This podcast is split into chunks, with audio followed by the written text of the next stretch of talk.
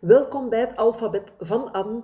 Ehm, ik ben Anne van Riet, ondernemerscoach ehm, en ik maak een podcast over mijn alfabet. En we zijn ondertussen al bij de J en de J is de letter geworden van jouw waarheid. Ik ga het vandaag niet hebben over um, concrete ondernemersstrategieën. We gaan het niet hebben over uh, hoe werkt marketing, we gaan het niet hebben over verkopen. ik ga het hebben over kennis, over soorten kennis. Uh, het wordt eigenlijk een beetje, misschien wel een verhandeling wetenschapsfilosofie. Hè? Alhoewel dat dat nu wel mijn vakgebied niet is, maar zwart. Um, en het is een heel belangrijk topic voor iedereen um, die wel eens bang is om zichtbaar te worden. Bijvoorbeeld omdat je denkt van, jammer, hetgeen ik mijn mensen vertel, mijn mensen leer, is niet wetenschappelijk bewezen. Wat gaat de wetenschappelijke wereld daarvan zeggen? Wat gaan conculega's daarvan denken? Um, wat gaat de medische wetenschap daarvan denken? Hè? Um, ga ik geen kritiek krijgen als ik dit vertel? Gaan mensen mij niet te spiriwiri vinden? Hè? Uh, gaan ze mij niet te zweverig vinden? Voor al diegenen die daarmee worstelen, die daar wel eens angsten over voelen, omdat ze in een vakgebied werken uh, dat nieuw is, dat vooruitstrevend is, waar ze aan het pionieren zijn, is dit een heel belangrijke podcast. Voilà. Ik ga jullie meenemen uh, door mijn eigen verhaal. Hè. Um, want ik heb zelf ook echt periodes gehad uh, wanneer ik twijfelde aan wat ik wist, waarin ik gedachten had als, ja maar is dit wel wetenschappelijk bewezen? En zo nee, mag ik dat dan wel verkondigen? En, en, en wat gaat er gebeuren als dat toch niet waar blijkt te zijn? Enzovoorts en zo verder. Dus ik neem jullie mee um, in mijn verhaal. Hè.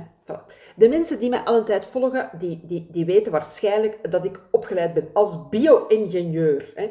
Ik verbaas me er nog regelmatig over. Um, dat ik dat diploma echt gehaald heb. Want um, ik weet daar echt niks meer van mensen. En dus twee, ben ik soms bang dat ze mijn diploma echt gaan komen afpakken. Hè? Want mijn dochter zit nu uh, in het vijfde middelbaar en die doet wetenschap en wiskunde.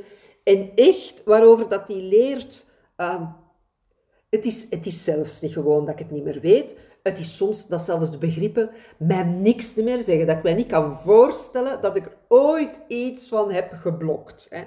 Um, dus ja, je kunt zeggen, uh, mijn, mijn opleiding heeft mij dat veel gebracht. Uh, ja, dan nee. Uh, wel, qua concrete parate kennis eigenlijk helemaal niet meer. Maar ik ben nog altijd wel zo blij um, dat ik die studie gedaan heb. En waarom? Omdat die studie mij echt iets geleerd heeft over wat is wetenschappelijke kennis. Hè? Wetenschappelijke kennis is het formuleren van hypotheses en dan experimenten gaan doen om te zien of dat je die hypotheses al dan niet kunt weerleggen hè, op basis van de huidige methodes. Hè. En, en onze wetenschappelijke kennis, hetgeen bewezen is in de wetenschap, dat zijn alle hypotheses die tot nu toe niet weerlegd zijn. En ik vind het heel belangrijk om dat te beseffen, want uh, wetenschappelijke kennis heeft een, een enorme waarde. Weet je, onze, onze geneeskunde uh, zou nergens staan zonder die wetenschappelijke methodes. Uh, maar ook dingen als uh, constructies, weten, berekenen hoe dat je een brug moet bouwen en hoe dat die krachten zijn en, alles wat met technologie te maken heeft. zo blij dat er echt wetenschappelijke kennis is. Hè. Um, en het is ook belangrijk dat we ook de, de relativiteit van wetenschappelijke kennis uh, leren ervaren. Hè. Wat bedoel ik daarmee? In het begin, toen ik ging studeren, dan was dat voor mij de enige soort kennis die ik kende. Hè. Het was ook voor mij een soort houvast, hè, want het, het, is heel, het is heel recht door zee. Hè. Je hebt een hypothese, je weerlegt ze, ja dan nee. Hè. En dan kun je nog nieuwe experimenten doen. En het is heel, het is heel, heel straightforward. Hè. Um, Voilà, en dus ben ik nog altijd blij met die studie. Voilà. Um, daarna daarna um, um, ben ik mij heel hard gaan verdiepen. Na mijn studie, toen ik al een paar jaar werkte, uh, ben ik mij heel hard gaan verdiepen in, in alles rond uh, communicatie, uh, in alles rond hoe wij de wereld percipiëren, hoe wij de wereld ervaren, hoe wij overtuigingen vormen op basis daarvan. Hè, want onze overtuigingen zijn een manier onze ervaringen te structureren, hè, zodat we niet elke keer opnieuw terug moeten denken oei, wat zou dit voorwerp kunnen zijn? Het heeft vier pootjes, het heeft een leuning, het heeft ook uh, twee armdingen. Wat zou dat kunnen zijn? Nee, we zien zo'n voorwerp en we weten direct op basis van al onze vorige ervaringen, ah, dat is een stoel. Hè? En dat geldt niet alleen voor voorwerpen natuurlijk. Dat geldt ook uh, voor alle ervaringen die we op, hebben opgedaan um, en, en, waar we conclusies uit getrokken hebben. Hè? Ik geef heel dikwijls het voorbeeld, omdat dat mij zo hard is bijgebleven en omdat dat ook zo'n concreet voorbeeld is van toen, ik, toen ik nog een kleuter was. Uh, toen gingen we regelmatig uh, naar mijn tante, want die paste dan op ons. En dan gingen we daar wandelen in de buurt. En daar liep heel vaak zo'n hond los. En dat was, dat was echt zo'n opdringerige hond. Dus te zeggen, in mijn ervaring als kleuter was dat echt zo'n hele opdringerige hond. Want die kwam dan zo aan u snuffelen. En je weet, als je kleuter bent en, en er komt zo'n hond snuffelen, dat is op dezelfde hoogte als je gezicht. Dus, dus ik heb echt besloten toen, op dat moment van alle honden zijn vervelend, alle honden zijn opdringerig en ik moest niks weten van honden. Hè. Um, voilà, uh, het, het, het, zou mijn, het zou, ik zou het helemaal niet erg gevonden hebben als de honden op een bepaald moment zouden uitgestorven zijn. Hè.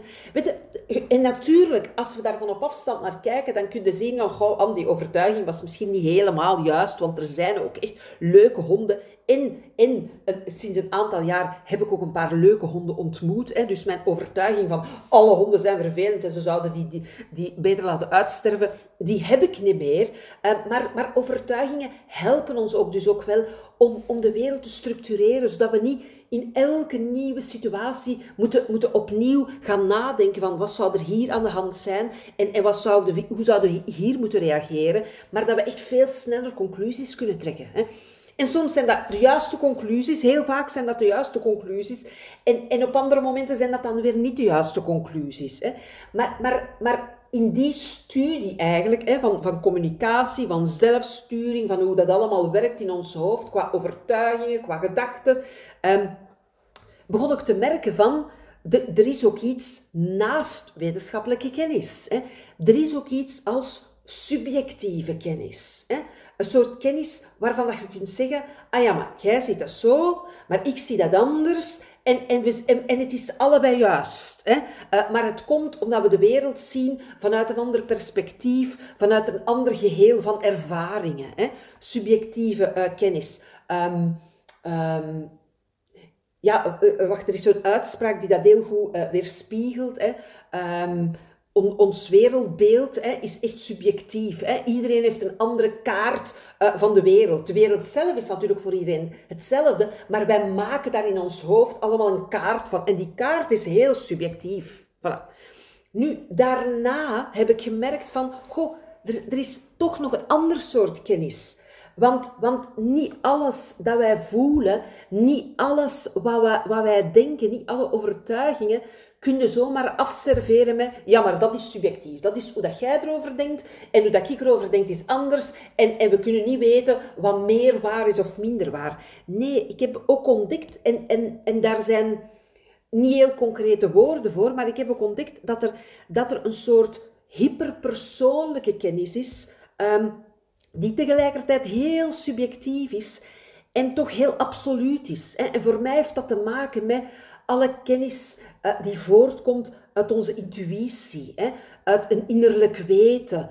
Um, alle kennis en, en weten die, die, die verborgen zit in ons lijf waarvan we ook kunnen leren om daar veel meer toegang toe te krijgen. Hè. En, en dat is niet zomaar een subjectieve kennis. Dan kun je, kun je niet zomaar zeggen van, ja, jij voelt dat nu zo, maar, maar ik voel dat anders. Dus hetgeen dat jij voelt kan even waar of onwaar zijn als het mijne. Nee, we kunnen echt zo van die kennis hebben die tegelijkertijd um, heel subjectief is en waarvan, waarvan dat we toch voelen, dit is absoluut waar. Eigenlijk dat je kunt voelen van, um, bij deze persoon klopt er iets niet. Hè? Of deze persoon vertrouw ik niet. Hè? Of, of, of over beslissingen. Dit is een goede beslissing om te nemen. Of dit is geen goede beslissing om te nemen. Heel subjectief. En tegelijkertijd voelt dat voor mij ook heel absoluut. Voilà.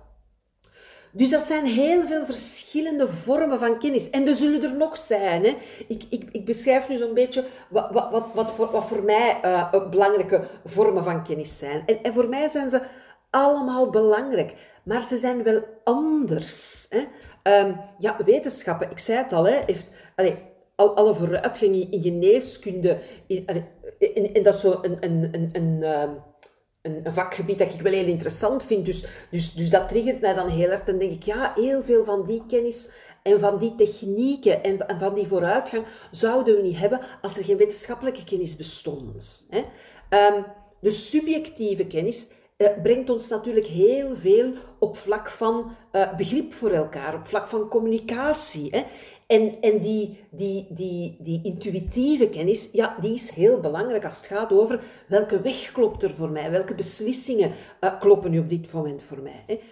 Maar, en dat is ook een belangrijke, um, elk van die vormen van kennis heeft ook zijn beperking.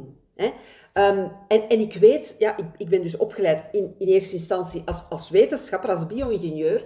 Um, en op een bepaald moment begin je dan toch te merken, hè, al een aantal jaar na mijn studie, van ja, maar um, de wetenschappelijke kennis is niet onfeilbaar. Hè.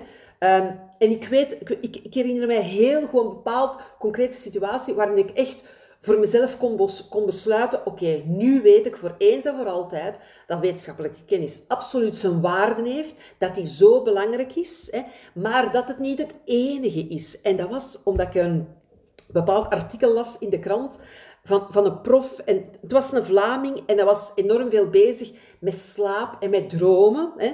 Ik weet echt zijn naam niet meer. En, uh, en die prof had uh, bepaalde onderzoeken gedaan en die had besloten dromen hebben geen betekenis. En ik las dat en ik dacht, oké, maar dat geeft mij voor eens en vooral te daan dat wetenschappelijke kennis dus ook zijn beperkingen heeft. Want blijkbaar heeft deze persoon met de wetenschappelijke methodes hè, bepaalde experimenten gedaan en daar echt uit besloten, oké, dromen hebben geen betekenis. En ik wist wel beter. Hè? Want ik heb heel veel dromen. Ik heb, ik heb zeker ook dromen die geen betekenis hebben. Dromen die een wirwar zijn van van alles. Die verwerking zijn van alles wat je de vorige dagen of vorige weken hebt meegemaakt. Hè. Want dat zei die prof, dat dromen niet meer was dan alleen dat. Hè. Die dromen heb ik zeker ook. Ik wil ook niet beweren dat iedereen, ieder mens dromen heeft die betekenis heeft. Nee, daar, daar kan ik mij niet over uitspreken. Maar ik weet wel dat ik regelmatig dromen heb die echt betekenis hebben. En die mij echt geholpen hebben om bepaalde beslissingen te nemen. Om te weten van, ik zit op de goede weg of ik zit juist niet op de goede weg. Dus die uitspraak, dromen hebben geen betekenis, vanuit een wetenschappelijk opgebouwde uh, kennis, uh, die, die toont mij echt van, ja, maar wetenschappelijke kennis heeft absoluut een enorme meerwaarde, maar het is niet alles. Er is ook meer dan dat. Hè? Um, de subjectieve kennis, hè, zoals ik ze noem, die ons eigenlijk zegt van alles is relatief. Hè? Ik zie de wereld vanuit een bepaald perspectief, jij ziet de wereld vanuit een bepaald perspectief, uh, iedereen ziet de wereld vanuit een bepaald perspectief. En dat is allemaal anders. En dat is allemaal gelijkwaardig. Dat klopt ook niet helemaal. Want niet alle meningen zijn gelijkwaardig. Uh, uh, om maar gewoon aan mezelf te kijken, als ik een mening heb, een overtuiging over een bepaalde, over een bepaalde situatie, bijvoorbeeld over honden, um, ja, mijn mening dat alle honden gevaarlijk zijn en dat ze die diersoort best zouden laten uitsterven, dat we daar geen tranen over zouden laten, die is zo enorm vervormd door een paar negatieve ervaringen, dat, dat die mening echt wel minder, um, ik zou zeggen, minder gegrond is uh, dan, dan, dan de ervaring van mensen met honden die juist veel ervaring hebben en die veel genuanceerder kunnen kijken. Hè. Dus ook die subjectieve kennis heeft absoluut zijn voordelen en zijn beperkingen. Hè. Ook die intuïtieve kennis, ook die kan heel erg verstoord worden hè, door bepaalde gremlins, um, door, door, en, waardoor dat je echt op een bepaald moment niet goed weet van is dit nu echt mijn intuïtie of is dat nu verstoord door van alles? Dus, dus al die vormen van kennis hebben echt hun kracht, echt hun kracht, maar ook hun beperkingen. En een paar weken geleden uh, leende, leende, ik een boek um, van, een, uh, van, iemand en dat boek heet Whatever You Think, Think the Opposite. En het is van Paul uh, Arden, ik weet niet hoe dat je het uitspreekt, Arden misschien, A-R-D-E-N. En ik deed, het is zo een, heel klein boekje, je hebt het op je hebt het op een half uur misschien wel uit. Ik weet eigenlijk niet op welke tijd dat ik het uit had. Maar in elk geval, ik opende het en het viel open uh, op een pagina. En ik dacht, oh, dit, dit moest ik dus weten. De, de, deze, deze, dit artikeltje had ik dus nodig. Hè? En ik ga het voor jullie ook voorlezen. Het is niet zo lang. Het is wel in het Engels, dus je moet mij even mijn uh, accent vergeven. Voilà. En het, het, uh, het stukje uit het boek heet There is no right point of view.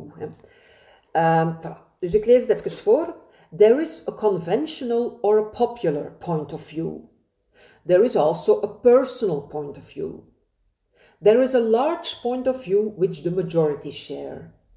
There is a small point of view which just a few share.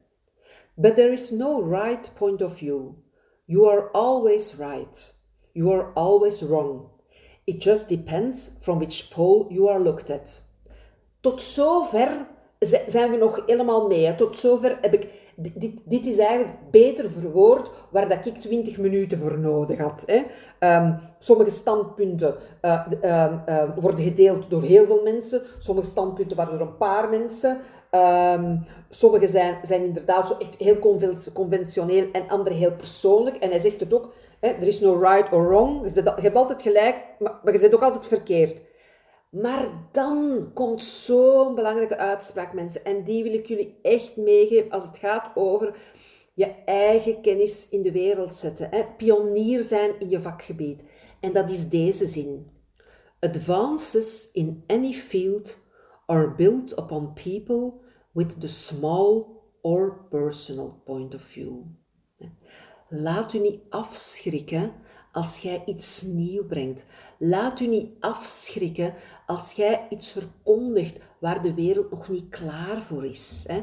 Um, want zoals Paul Arden of Arden, of ik weet niet hoe dat je dat uitspreekt, zegt, advances in any field are built upon people with the small or personal point of view. En als je terugkijkt, is dat ook zo. Hè? Ik bedoel, Galileo die ontdekte dat de aarde rond de zon draaide. Weet je, die mens werd daarvoor verketterd. Hè.